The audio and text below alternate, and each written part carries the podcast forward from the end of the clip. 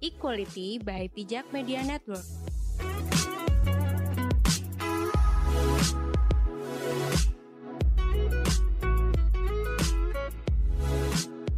Halo, selamat pagi, siang, dan malam. Kembali lagi bersama Dinda Safira dalam podcast Equality. Halo teman-teman semua, udah lama ya nggak dengerin Equality Podcast. Nah, kali ini di episode ke-27, aku pengen ngebahas suatu hal yang lagi rame banget diomongin orang-orang, terutama di Twitter, yaitu tentang uh, pilihan untuk tidak memiliki anak atau child free. Nah, tapi sebelumnya aku mungkin bisa kasih gambaran dulu ya teman-teman. Kalau menurut aku pribadi, uh, child free ini tuh sebenarnya adalah pilihan yang mana uh, itu tuh hasil diskusi bersama dan hasil uh, musya musyawarah mufakat gitu ya antara uh, suami maupun istri. Cuman yang jadi masalah adalah uh, pilihan child free ini tuh sering uh, apa ya kayak diserang dengan berbagai dalil, berbagai hadis yang mana aku nggak tahu apakah itu valid atau enggak. Makanya uh, di episode kali ini aku pengen memvalidasi apa yang sudah aku baca di sosial media. Apakah benar uh, child free ini adalah keputusan bersama, pilihan, atau mungkin ya akal-akalan aja supaya ya ikut-ikutan tren kayak biasanya gitu. Nah, Uh, seperti biasa, uh, aku punya uh, bintang tamu spesial. Tapi kali ini bintang tamunya juga nggak asing ya, karena dia udah sering ngisi di Equality Podcast, yaitu Zahra. Yeay, welcome Zahra. Hai, Hai Mbak. Halo, Halo teman-teman semuanya. Gimana uh, kabarnya? Ya. Kabarnya baik. Mbak Flo gimana kabarnya? Alhamdulillah, baik juga. Gimana uh, kondisi selama pandemi? uh, selama pandemi ya menahan diri dari kerumunan nggak ke mana-mana walaupun bosen ngeluh aja di Twitter kayak gitu sih mbak saking sering yang ngeluh di Twitter jadi tahu ya apa yang diomongin orang-orang sampai saat ini ya iya betul betul sekali nah gimana nih pendapat kamu tentang uh, apa tweet Twitter apa tweetan yang lagi viral kemarin dari sebuah akun masjid yang terkenal di Jawa Barat. oh iya, yang soal child free ya Mbak ya? Yes, betul. Uh, uh, yang katanya menentang fitrah manusia untuk berkembang biak. Mm -mm. Uh, bagian tidak ingin memiliki anak yang dilahirkan setuju sih Mbak, tapi ke, sebagian juga orang-orang yang child free juga ada yang uh, mengadopsi anak atau ngerawat anak-anak yang bukan dari anak biologisnya dia. Jadi aku sih mm -hmm. lebih uh, suka definisi yang disampaikan Kak Zahwa ya di Twitter. Itu tuh mm -hmm. dia bilang kalau child free itu ada voluntary child free sama involuntary child free. Yang mana kalau voluntary itu dia emang secara sadar dirinya emang nggak ingin mempunyai anak secara biologis. Kalau yang involuntary child free mungkin ada kondisi tertentu yang memaksa dia akhirnya tidak uh, memiliki anak secara biologis, tapi keputusan untuk ngambil anak atau enggaknya itu udah di luar ranah child free sih Mbak kalau menurut aku.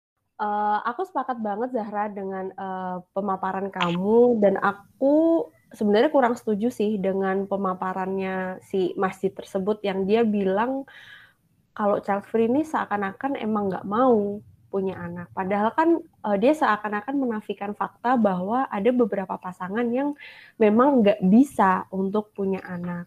Sedangkan uh, waktu itu dia juga menjelaskan kalau uh, kalau nggak pengen punya anak itu justru menyalahi kodratnya gitu ya dalam tanda kutip kodrat manusia yaitu yang uh, berlandaskan nafsu atau in, uh, tujuan pernikahan yaitu mempunyai anak. Nah kamu sendiri memandang uh, tweet yang kemarin itu seperti apa Zahra? agak kaget sih Mbak ketika dia bilang tujuan pernikahan tuh memiliki anak karena selama ini aku uh, belajar di pesantren atau di mana tuh setahu aku ya tujuan pernikahan tuh ada dua. Kalau kita sering ke kondangan ya biasanya kita dengar orang yang ngaji itu ada satu ayat dua ayat yang dipakai buat uh, ngaji di awal gitu awal kondangan. Biasanya tuh surat Arum ayat 21 nah di situ tuh dikasih tahu kita tuh kalau tujuan pernikahan tuh ada dua yaitu untuk saling ngerasa nyaman dan berkasih sayang gitu. Nggak ada nggak ada tentang uh, tujuan pernikahan adalah melanjutkan keturunan tuh nggak ada sih setahu aku. Cuma melanjutkan keturunan atau apa ya kapabilitas manusia untuk bisa punya anak tuh emang kebesaran Tuhan. Di situ disinggung juga di ayat-ayat sebelumnya juga ada. Cuman bukan sebagai tujuan dari kita nikah ngapain sih? Mau punya anak tuh? Enggak sih. Mm-mm. Dan kayaknya uh, tweet yang kemarin tuh bias banget ya dia kayak menafikan fakta bahwa ya itu tadi uh, ada beberapa orang yang memang belum mampu atau nggak mampu untuk mempunyai kan. Dia seolah-olah menganggap semua orang tuh ya mampu, padahal kan kondisi tubuh, kondisi psikologis orang kan beda-beda ya Zahra ya. Iya betul banget Mbak. Uh, menurut kamu sendiri Zahra, uh, child free ini termasuk keputusan yang egois atau enggak sih? Kalau menurut aku sebenarnya ya Mbak, nggak tahu ini mungkin bias karena sebenarnya aku aku spill aja dari awal kalau aku sebenarnya pro sama orang-orang yang child free. Jadi apa pun mm -hmm. yang aku bilang mungkin akan ada biasnya. Jadi mm -hmm. kalau menurut aku child free itu justru uh, karena orang mikirin banget tuh Mbak untuk kita mau punya anak nggak ya kalau punya anak resikonya gimana kalau nggak kayak gimana menurutku justru orang-orang kayak gitu tuh nggak bisa dibilang egois karena mereka nggak hanya memikirkan apa ya apa dampaknya ke dirinya dia sendiri termasuk juga kalau misalnya nanti punya anak akan kayak gimana anaknya itu juga dia pikirin menurut aku nggak bisa sih child free dikatakan egois bahkan uh, beberapa orang yang child free itu pertimbangannya tuh jauh banget gitu loh kayak uh, kayak pertimbangan iklim, overpopulasi dan lain sebagainya. Kalau dia emang egois, dia mau mending dirinya sendiri, ngapain dia capek-capek mikirin itu? Menurut aku sih kayak gitu sih, Mbak. Iya, benar-benar uh, salah satu argumen yang kebetulan banyak dianut orang itu kan karena mereka benar-benar mikirin kalau misalnya uh, punya anak itu nanti ke depannya akan kayak gimana. Itu bukan semata-mata soal biaya ya, tapi gimana mereka membesarkan uh, anak mereka di lingkungan yang memang udah nggak bagus saat ini. Apalagi kan sekarang isunya kan overpopulasi ya Zahra ya. Iya betul Mbak. Terus uh, pandemi COVID ini aku juga sering lihat uh, beberapa tweet dari uh, public figure itu yang bilang anak-anak sekarang tuh banyak yang yatim piatu karena orang tuanya kan meninggal karena COVID. Nah itu kan mungkin bisa jadi pertimbangan ya kenapa orang memilih untuk tidak punya anak. Bisa jadi uh, mereka pengen ya membantu sesama ya misalnya ada anak yatim piatu ya mereka pengen menyantuni mereka atau mungkin nanti mereka bakal bikin program-program uh, yang lebih baik gitu. Jadi kan semata-mata keputusan untuk eh, nggak uh, punya anak itu kan bukan berarti mereka egois mikirin dirinya sendiri. Cuman uh, kalau di apa namanya pandangan orang-orang konvensional ya, aku nganggapnya konvensional. Uh, itu kan kadang kamu kenapa sih uh, nikah nggak punya anak? Terus kamu kenapa sih uh, udah apa namanya udah halal tapi kok nggak mau punya keturunan yang soleh atau solehah. Nah ini kan nyangkut ke beberapa ayat yang sering dijadikan tameng gitu ya Zara ya. Iya. Ada yang bilang kalau uh, nanti misalnya punya anak, apalagi anaknya soleh atau soleha itu nanti bakal mengantarkan orang tuanya uh, ke pintu apa ke pintu surga atau nanti bakal dapat mahkota emas atau kayak gimana aku nggak ngerti ya. Nah menurut kamu sendiri yang pernah belajar uh, soal konsep pernikahan itu seperti apa sih? Apa sih sebenarnya uh, arti pernikahan dalam Islam? Apakah tujuannya itu semata-mata untuk memiliki anak yang soleh dan soleha atau seperti apa Zara? Uh, soal anak yang soleh dan soleha ini aku nanggepin uh, ayat itu atau perintah itu tuh nggak bukan untuk dijadikan dorongan. Ayo dong kamu punya anak biar kamu nanti ini didoain dan lain sebagainya dan lain sebagainya. Tapi justru uh, peringatan gitu loh buat kita yang memutuskan mau jadi orang tua misalnya. Kamu hmm. harus bisa didik anak kamu jadi soleh dan soleha bukan sebaliknya. Jadi ayo kamu harus punya anak yang soleh dan soleha kayak gitu menurut aku enggak sih. Jadi Nah, apalagi kalau ngomongin soal pernikahan itu hukum asalnya sebenarnya mubah atau bisa dikatakan boleh. Ini pernikahan dalam Islam ya, karena aku nggak tahu hukum pernikahan di tempat teman-teman yang beragama lain. Mm-hmm. Jadi setahu aku yang pernah aku pelajarin hukum asalnya itu boleh. Ya boleh tuh berarti kamu boleh ngelakuin boleh enggak gitu. Tapi hukum ini bisa berubah tergantung situasi dan kondisi yang dialami oleh masing-masing orang yang mau menikah. Bisa jadi haram loh nikah itu. Kalau misalnya kita niat menikah tuh udah jelek gitu niatnya. Kayak nikah kontrak terus mau nyakitin satu sama lain terus mau mm -hmm. ngasih beban yang lebih satu sama lain itu bisa jadi haram hukumnya. Tapi bisa mm -hmm. juga jadi wajib atau kalau uh, bisa jadi jadi wajib atau sunnah kalau misalnya kita memang secara secara kemampuan finansial, psikologi dan lain sebagainya kita udah mampu. Dan dikhawatirkan uh, kalau misalnya tidak menikah akan menjadi buruk untuk kita misalnya terjun di zina atau seperti apa. Di sisi lain kita udah mampu itu bisa jadi wajib hukumnya. Ataupun sunnah kalau misalnya kita udah mampu. Tapi sebenarnya ya nggak nggak apa ya nggak nggak menuntut juga kalau misalnya nggak nikah tuh jadi jelek buat saya tuh enggak itu mm-hmm. jadi sunnah. Jadi tapi kebanyakan orang bilang kalau langsung aja bilang nikah tuh sunnah nabi loh. Lah hukum asalnya nikah tuh mubah jangan dipukul rata. Setiap orang punya ininya masing-masing kondisinya masing-masing gitu mbak. Mm-hmm. sepakat sepakat kayaknya aku juga pernah baca ya di salah satu postingan uh, Ustadz atau NU gitu aku lupa. Uh, dia bilang bahwa pernikahan dalam Islam itu kan kontekstual ya sebenarnya. Bisa jadi wajib kalau memang ya ada kebutuhan yang wajib gitu. Tapi bisa jadi sunnah kalau misalnya dia uh, bisa menahan diri dari nafsu gitu kan. Tapi bisa jadi haram kalau dia nikahnya apa uh, niatnya itu udah jelek gitu. Nah cuman uh, dibalik uh, apa namanya hukum pernikahan ini kan ada juga tuh orang-orang yang bilang bahwa ya di Islam itu tuh meskipun nikah ya kamu tuh tujuan utamanya adalah mempunyai anak dan itu nanti uh, kalau nggak salah ada yang pernah bilang uh, anak-anak ini nanti yang akan menjadi umat Rasulullah gitu. Nah kamu sendiri setuju nggak sih dengan pernyataan ini? Uh, sebenarnya itu ada konteksnya sih mbak. Dulu emang ada hadis yang kayak gitu. Tetapi mm-hmm. aku pernah baca ada ada salah satu mufasir hadis dari Uwin, aku lupa deh namanya siapa nanti aku coba cari lagi. Uh, beliau mm-hmm. tuh bilang gini, uh, nggak cuman Al-Quran yang turunnya ada konteksnya, hadis tuh juga turunnya ada konteksnya gitu loh. Jadi mm-hmm. ketika Rasulullah waktu itu bilang seperti itu, menurut si mufasir ini, bahwa waktu itu emang uh, pasukan perang Islam tuh sedikit, terus umatnya juga sedikit dan uh, digempur dari mana-mana. Jadi dianjurkan untuk yang sudah menikah memiliki keturunan supaya uh, umatnya banyak. Tapi ada lagi mbak setelah setelah beberapa masa berlalu Rasulullah juga bilang mm -hmm. kalau di akhir zaman tuh umat Islam tuh jadi kayak buih di lautan gitu loh banyak tapi nggak berkualitas yang mana di dalam beberapa penjelasan itu maksudnya adalah ya sayang aja gitu loh banyak doang tapi kualitasnya zong gitu dan itu didukung juga sama ada surat ada ayat di Al-Qur'an kalau nggak salah tuh surat An-Nisa ayat 9 dia tuh bilang kalau kita tuh dosa loh ninggalin keturunan yang lemah. Lemah tuh bukan cuma fisik tapi juga finansial, sosial, psikologis dan lain sebagainya. Kalau misalnya kita sengaja ninggalin keturunan yang lemah tuh justru dosa gitu sih Mbak. Wow, berarti ini uh, lengkap banget ya hadisnya.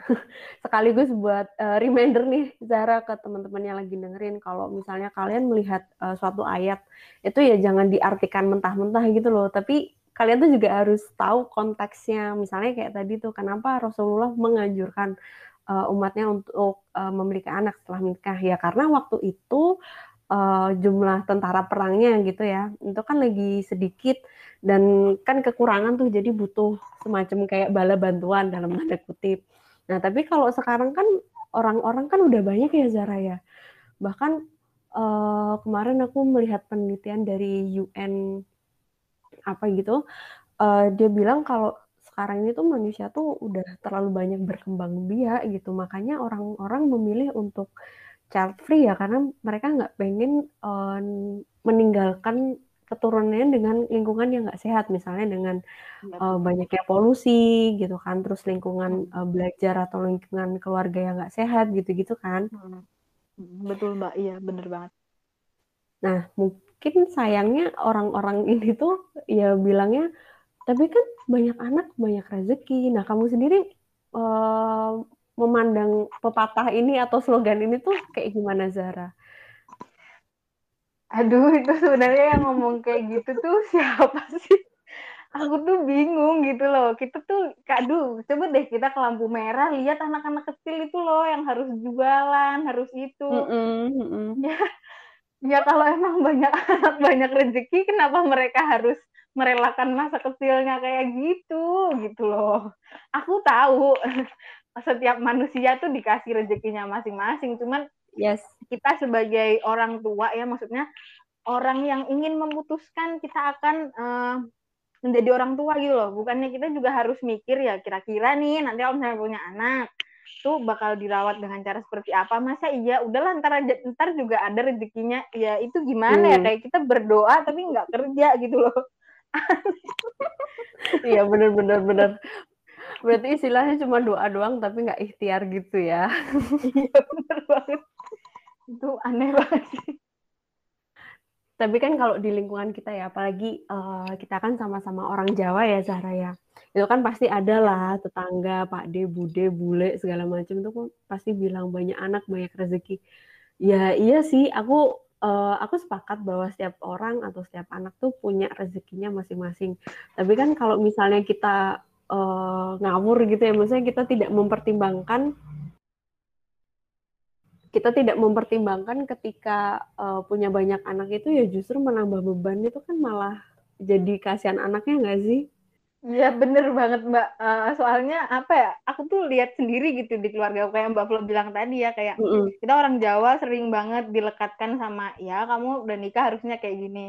Uh, ada ada saudara aku nih mbak yang emang aku nggak tahu ya dia emang voluntary child free atau enggak tapi udah beberapa tahun menikah memang nggak punya keturunan gitu. Ditanyain aja terus tapi di sisi lain ada juga loh yang anaknya tujuh tapi ngutang mulu tuh ada gitu loh. Itu dipikirkan tolong. Iya iya. Biasalah orang-orang kayak gitu cuman kenapa ya maksudnya uh, pemikiran banyak anak banyak rezeki ini tuh uh, langgeng gitu loh bahkan kayak misalnya nih bah uh, pasangan yang memilih punya anak satu aja itu kadang disuruh untuk nambah-nambah-nambah terus kan. Padahal kan ya terserah dia ya. yang bakal ngerawat juga dia ya. ya Tapi kenapa iya. lingkungan kita tuh sukanya mikirnya kayak gitu. Ya aku juga nah, belum belum tahu sih Mbak kenapa tuh bisa kayak gitu. Nah oke okay, kita eh, nggak uh, usah gibain yang ini ya. Nanti kita dihujat. Uh, tapi sebenarnya Zahra, uh, di Islam itu, uh, diperbolehkan nggak sih untuk tidak memiliki anak? Jadi kayak, ya udah menikah, menikah aja gitu.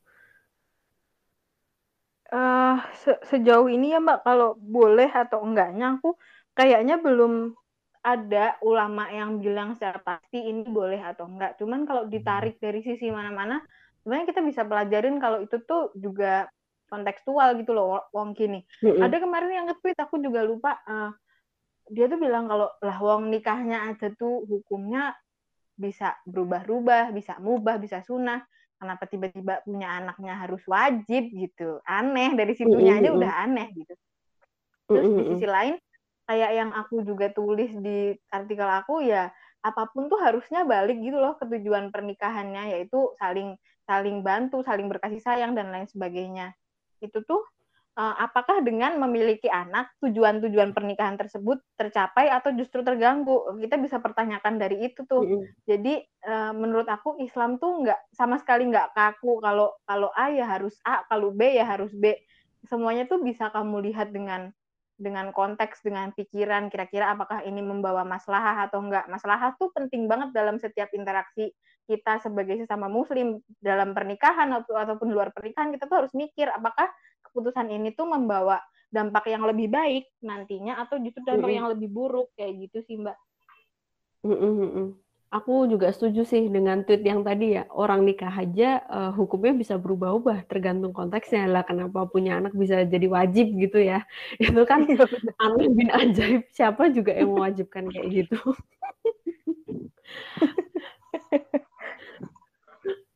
Nah ini masih nyambung ya Sarah soal uh, banyak anak banyak rezeki tadi. Tapi ini bukan uh, soal banyak anaknya ya, tapi uh, misalnya ada pasangan yang memutuskan KB, sedangkan ada yang bilang kalau uh, anak itu kan uh, ada rezekinya masing-masing. Nah, apakah ketika hmm. pasangan ini memutuskan KB, berarti kan KB itu kan stop ya untuk istilahnya uh, berkembang biak gitu ya.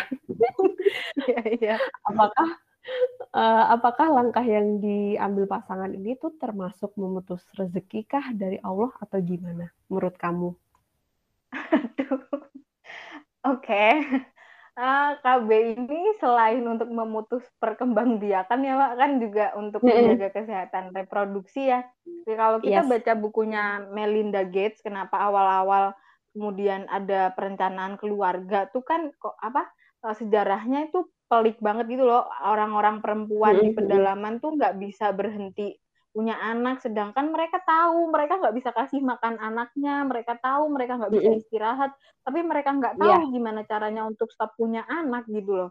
Nah dari situ sebenarnya justru kita menyelamatkan banyak nyawa. Coba dipikirin kalau misalnya orang nggak KB terus dia beranak terus nggak berhenti berhenti kita nggak tahu dia bisa kasih makan atau enggak terus meninggal. Belum lagi kalau stunting belum lagi kalau ibunya meninggal kita bunuh berapa orang demi sebuah legitimasi bahwa banyak anak banyak rezeki gitu loh. Itu bukannya justru kita maksain orang untuk udah kamu mati aja kalau nggak bisa ngasih makan anakmu. Kayak gitu nggak sih? Aku mikirnya gitu sih mbak. Iya iya iya. Berarti uh, apa namanya? Kalau misalnya KB itu bukan berarti kayak ya kita memutus rezeki yang diberikan oleh Allah ya teman-teman. Tapi kan uh, di sini kan kita sebagai manusia yang dikasih akil ataupun akal, itu kan kita harus bisa mikir ya apakah uh, keputusan untuk memiliki banyak anak meskipun itu ada rezekinya masing-masing itu malah jadi mudorot gitu loh bagi pasangan. Atau justru kalau misalnya kamu punya rezeki ya silahkan aja gitu kan. Kayak keluarga iya, betul betul apa, banget. Kalau kayak keluarga apa tuh yang halilintar itu?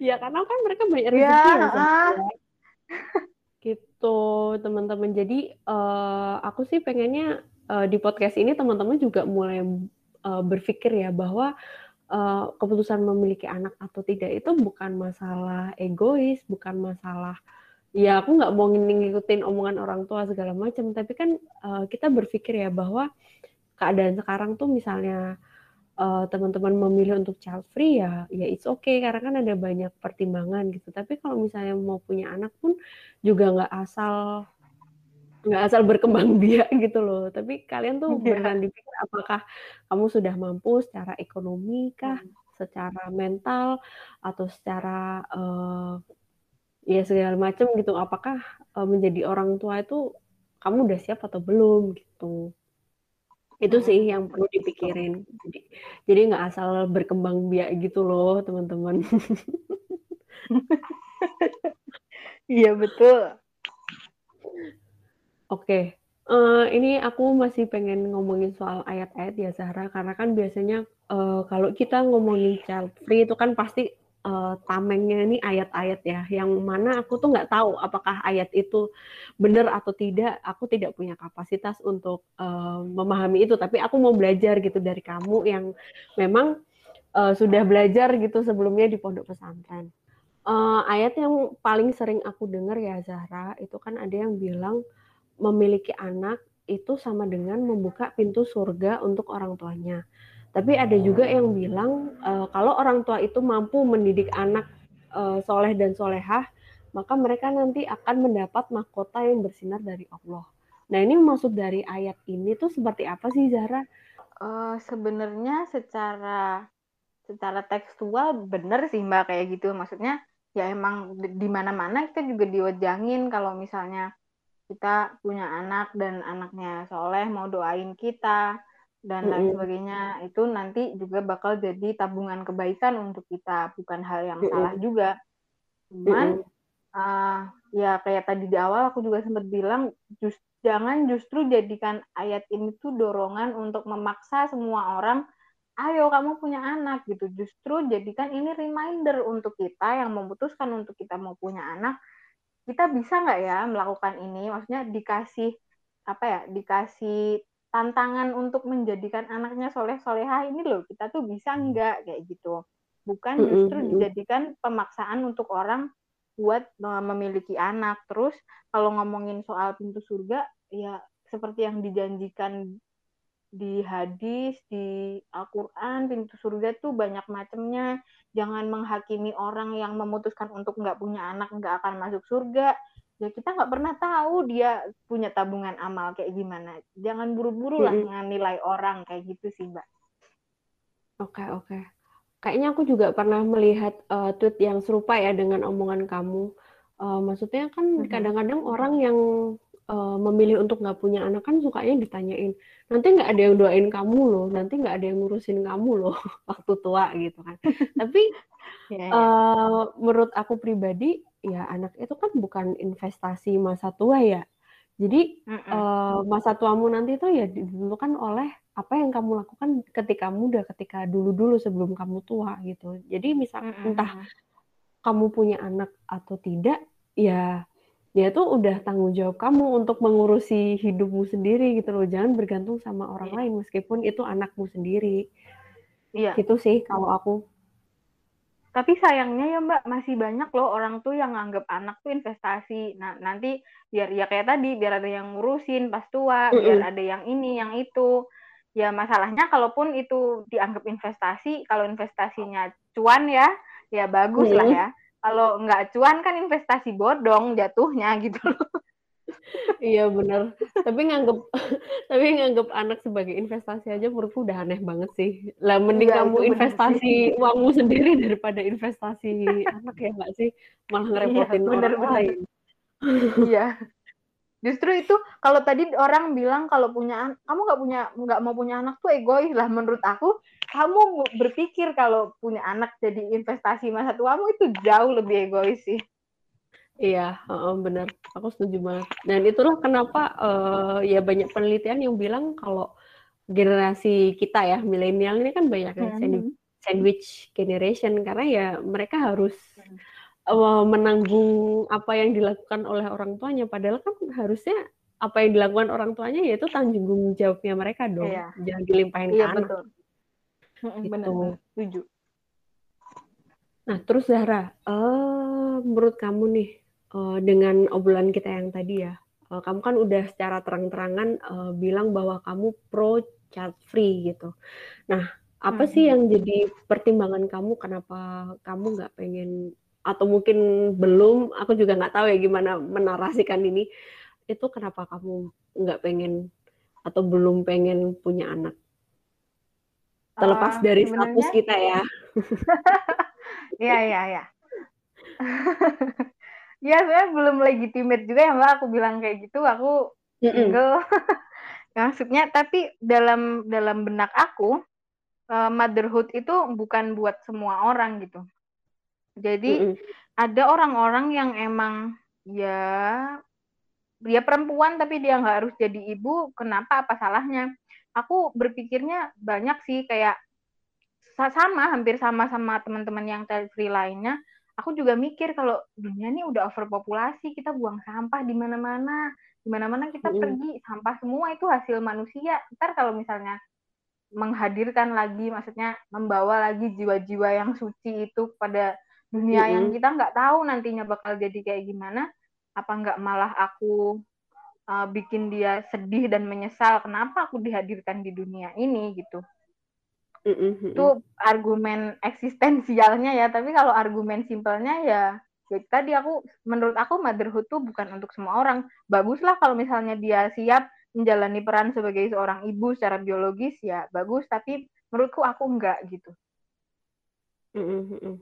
Oke, aku sepakat sih, uh, terutama yang motherhood tadi ya, karena kan itu kan seringnya dibebankan kepada perempuan ya Zahra ya, apalagi, uh, perempuan ini kan memang secara kodrati dia yang akan merasakan menstruasi, terus hamil, terus melahirkan, tapi entah kenapa tuh yang sering ngatur-ngatur tuh kayak laki-laki gitu loh.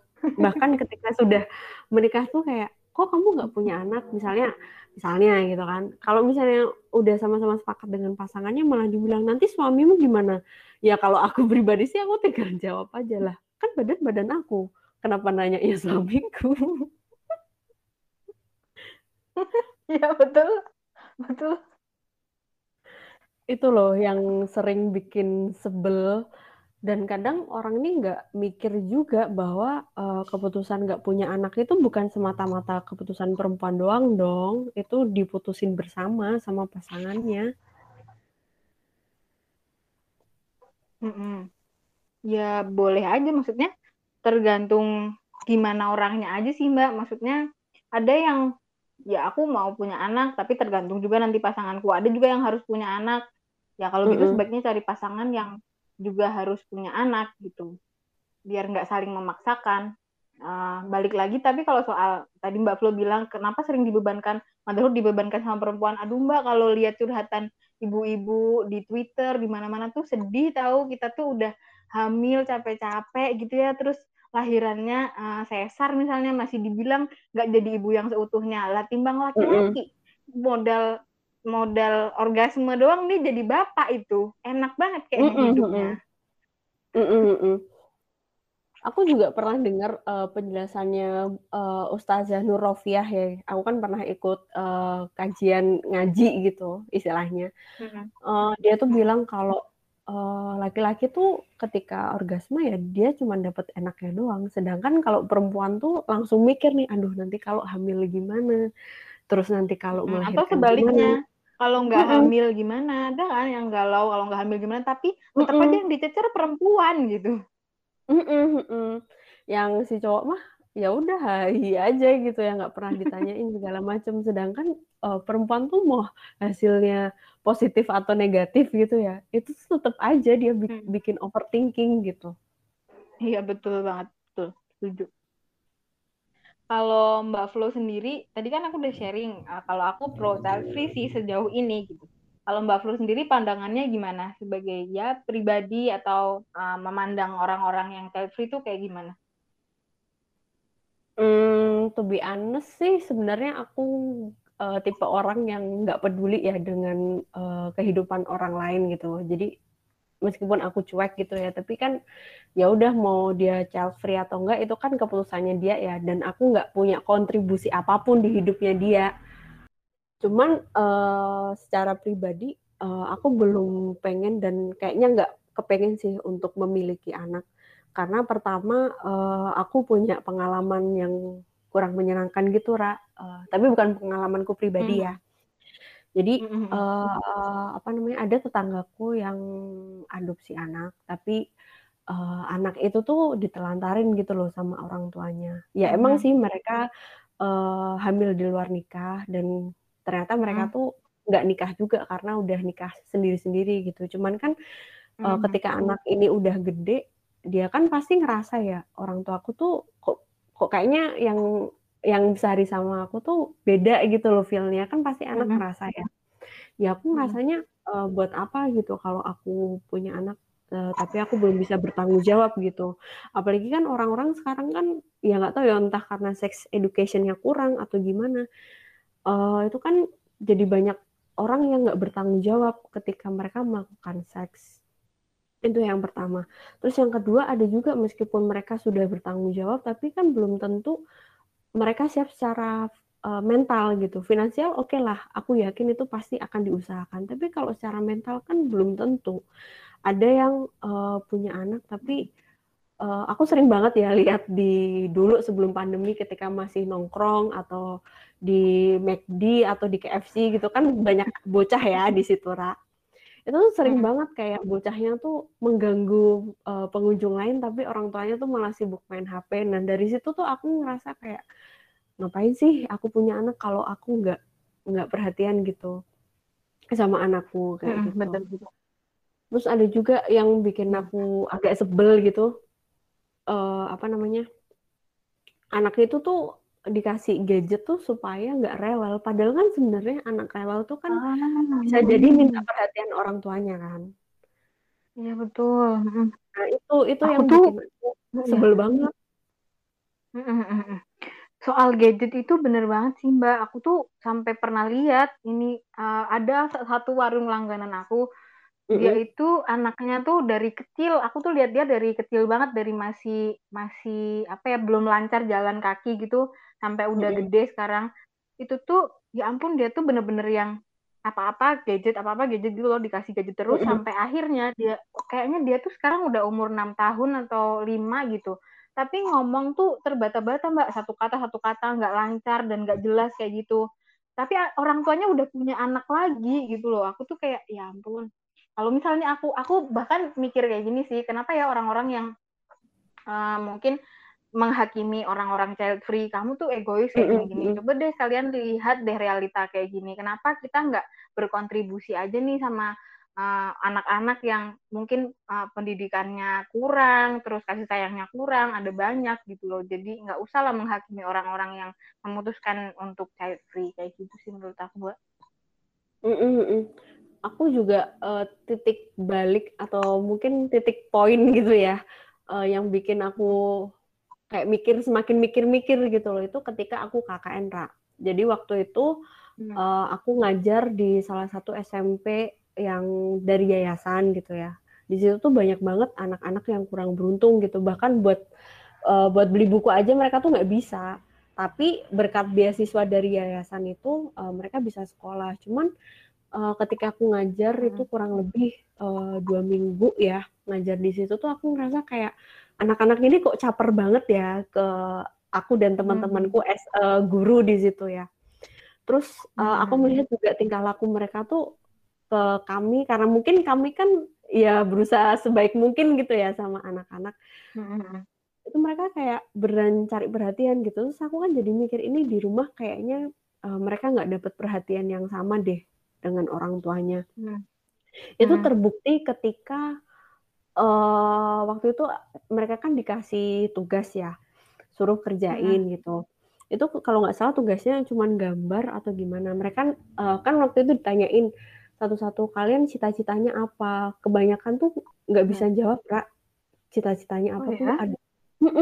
banyak yang bilang nggak tahu, nggak tahu. Terus aku nanya dong, uh, emang nggak pernah ditanya orang tuamu po cita-citanya apa? Enggak orang tua aku nggak pernah nanya nggak pernah ngajak ngomong aku hmm. intinya kayak gitu itu kan aku langsung hmm. jadi mikir ya oh berarti uh, banyak anak loh yang uh, maksudnya dalam dalam tanda kutip tuh terlantar karena ya nggak diperhatikan orang tuanya yang pertama hmm. itu uh, faktornya ya pertama kemiskinan jadi orang tuanya kan uh, sibuk nyari nafkah gitu nggak sempet untuk ngurusin anaknya sehingga uh, ya wajar kalau anaknya tuh banyak caper, terus nanti uh, ya amit-amit mereka kan ke, ada juga yang terjerumus ke hal-hal negatif ya. Hmm. Nah itu kenapa permasalahan soal anak itu jadi kompleks ya salah satu faktornya ya karena kemiskinan tadi. Hmm. Betul betul mbak. Itu terus kalau untuk di kalangan uh, kelas menengah ya yaitu tadi yang aku bilang uh, ada uh, keluarga yang di restoran atau di rumah makan gitu ya. Uh, bukannya ya gimana ya aku kan nggak bisa ngejat juga ya. Cuman kan aku melihat kayak anaknya tuh teriak-teriak bahkan sampai lari-lari ke mana-mana tapi nggak ada yang negur. Uh, sementara orangnya malah sibuk mainin HP terus kalau misalnya ada yang negur pun ya dibilangnya ya wajar namanya juga anak-anak. Padahal kan sebenarnya nggak kayak gitu kan mendidik anak ya ya betul betul Ya kalau semua hal diwajarin karena dia masih anak-anak ya sampai gedenya bakal kayak gitu. Iya, uh, makanya pengalaman-pengalaman tadi sih Ra yang bikin aku berpikir ulang uh, apakah aku sudah sanggup atau belum. Meanwhile, hmm. aku sendiri pun juga kayaknya belum terlalu suka ya sama anak-anak. Hmm, ya betul betul.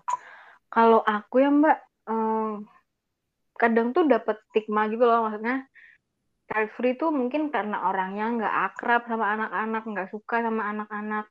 Tapi mm -hmm. kalau yang aku lihat sendiri, yang aku rasain sendiri tuh bukan kayak gitu. Justru banyak temen-temen atau ya orang-orang yang aku tahu dia nggak mau, emang cuman nggak mau punya anak secara biologis aja, cuman dia concern banget gitu loh sama anak-anak. Dia belajar banyak mm -hmm. hal tentang parenting, dia uh, apa ya kasih perhatian ke anak-anak lainnya kayak gitu sih mbak. Jadi ya nggak bisa dipukul rata kalau orang yang child free itu berarti karena nggak suka anak-anak. Ada banyak banget lah faktornya gitu. Iya, seringnya juga di stigma kayak gitu sih. Tapi kalau aku menyadari kayaknya aku nggak terlalu cocok deh. it's okay, it's okay. Kan nggak nggak harus juga sih mbak. iya sih. Oh ya, Ra, uh, aku kan pernah nemu artikel menarik ya yang kayaknya udah aku share juga ke kamu. Dan itu mm-hmm. dia membenarkan bahwa uh, aku tuh malah suka anak-anak dan sering menghabiskan waktu sama ponakan-ponakan, tapi dia memilih untuk uh, child free gitu. Nah, ini kan uh, fakta ini kan juga ini ya kayak mendobrak stigma yang dilabelkan orang-orang ya kalau child free itu pasti nggak nyaman atau nggak cocok sama anak-anak padahal ya sebenarnya banyak loh yang kayak gitu. Iya bener banyak banget. Uh, ya itu dia kebanyakan bukan kebanyakan sih. Ada banyak orang yang child free bukan karena dia nggak suka sama anak-anak. Justru karena dia peduli sama anak-anak di sekitarnya. Dia mau uh, kasih energi yang mungkin tadinya di pikiran orang-orang harusnya dikasih ke anak kandungnya. Terus dia mau spend itu untuk anak-anak lain mau kasih bantuan baik berupa perhatian kasih sayang bantuan finansial ke anak-anak lain. Justru mungkin karena dia sangat peduli sama anak-anak juga bisa jadi sih mbak mm -hmm. setuju setuju dan yang semakin bikin aku mikir-mikir tadinya kan udah mikir-mikir sekarang makin mikir-mikir ya itu kan gara-gara uh, pandemi COVID yang bikin banyak anak-anak jadi yatim piatu itu sih. Hmm. Jadi kayak aku ngerasa uh, kayaknya aku pengen lebih banyak membantu mereka deh karena ya mereka tuh beneran nggak punya orang tua. Terus masih kecil-kecil tuh kan ada juga tuh uh, artikel yang sempat viral ya. Jadi orang tuanya tuh udah meninggal semua dan dia tuh sendirian di rumah itu kan kayak hmm, kasihan iya. banget iya. gitu loh. Iya, aku sih kepikirannya aku lebih pengen ngebantu, uh, anak-anak yang seperti itu. Karena kan, ya sebenarnya mereka yang lebih butuh nggak sih dibanding yeah. kalau kita berkembang biak gitu. Iya iya iya iya, bisa bisa kayak gitu. Daripada kosnya kita habiskan untuk bukan kita habiskan sih, maksudnya kita nambah populasi, terus kita tahu di di sekitar kita masih banyak anak-anak yang sebenarnya uh, bisa kita bantu kayak gitu ya nggak apa-apa juga kalau memutuskan untuk child free. Mm -mm, Jadi teman-teman yang dengerin uh, jangan sampai uh, keputusanmu ini tuh apa ya membebani kamu gitu loh. Ya kamu mau punya anak ya terserah, uh, mau punya anak juga monggo silahkan itu kan uh, keputusan kamu sendiri dan nggak semua orang apa ya orang lain tuh nggak boleh ngejudge pilihan kamu gitu loh. Betul. Oke, Zahra, kayaknya dari tadi kita sudah ngomongin banyak banget soal uh, child free, terus sampai ayat-ayat, sampai pengalaman kenapa kita berdua sampai sekarang ini masih memutuskan nggak dulu deh gitu ya. Iya, iya. Tapi kamu ada pesan uh, sesuatu gitu nggak untuk teman-teman yang lagi dengerin? Uh, apa pun keputusan teman-teman, keputusan kita semua, nggak usah dibenturkan sama kebutuhan orang lain karena kita sama sekali nggak tahu kondisi seutuhnya orang lain itu seperti apa. Jadi uh, nggak usah memaksakan apa yang jadi pikiran di pikiran kita mungkin benar bagi orang lain mungkin belum tentu termasuk juga soal child free. Uh, Zahra, uh, btw sebelum kita tutup nih, uh, kamu punya kenalan nggak sih yang udah menikah lama tapi dia memutuskan untuk tidak memiliki anak? Uh, aku nggak nggak seberapa tahu dia voluntary child free atau enggak, tapi ada dia itu kakak sepupu aku uh, mm -hmm. udah nikah kayaknya sekitar enam atau tujuh tahun gitu, terus ya tidak memiliki anak atau belum juga nggak tahu, tapi uh, sejauh yang aku lihat, sejauh aku ngobrol sama beliau, beliau nggak ada masalah soal itu. Walaupun sempet aku nangkep kayak uh, apa ya air muka di awal-awal kalau lagi reuni atau apa gitu ditanyain kok belum isi, mm -hmm. terus dipegang-pegang perutnya gitu. Terus aku kasihan gitu ngelihatnya, tapi semakin ke sini dia semakin kayak cuek aja, disenyumin aja kalau orang nanya kayak gitu sih mbak. Hmm, nyebelin ya orang-orang ini kadang suka kurang ajar. Iya betul banget. Kalau Mana pakai pegang-pegang lagi kan risih ya, Bun. iya, makanya. Kalau Mbak Flo ada nggak temen atau saudara gitu? Kalau temen ada. Aku dulu uh, dia tuh nikah tahun berapa ya? Aku diundang sih waktu itu. Uh, ada temen aku, temen lama aku. Uh, dia tuh udah nikah, uh, udah lumayan lama, tapi sampai sekarang uh, belum punya anak. Dan aku pikir uh, mereka tetap bahagia-bahagia aja gitu loh, Ra, nggak punya anak. Bahkan mereka ngerjain bisnis bareng, project bareng. Nah, itu kan jadi semacam kayak gambaran ke aku ya, bahwa menikah itu ya sebenarnya kan untuk kemaslahatan bersama, untuk menciptakan rasa aman dan nyaman gitu. Nggak mesti harus punya anak. Bisa jadi kita berdua, uh, aku dan pasangan aku bisa uh, saling berkolaborasi, saling bikin apa ya, bikin sesuatu yang bermanfaat untuk orang lain.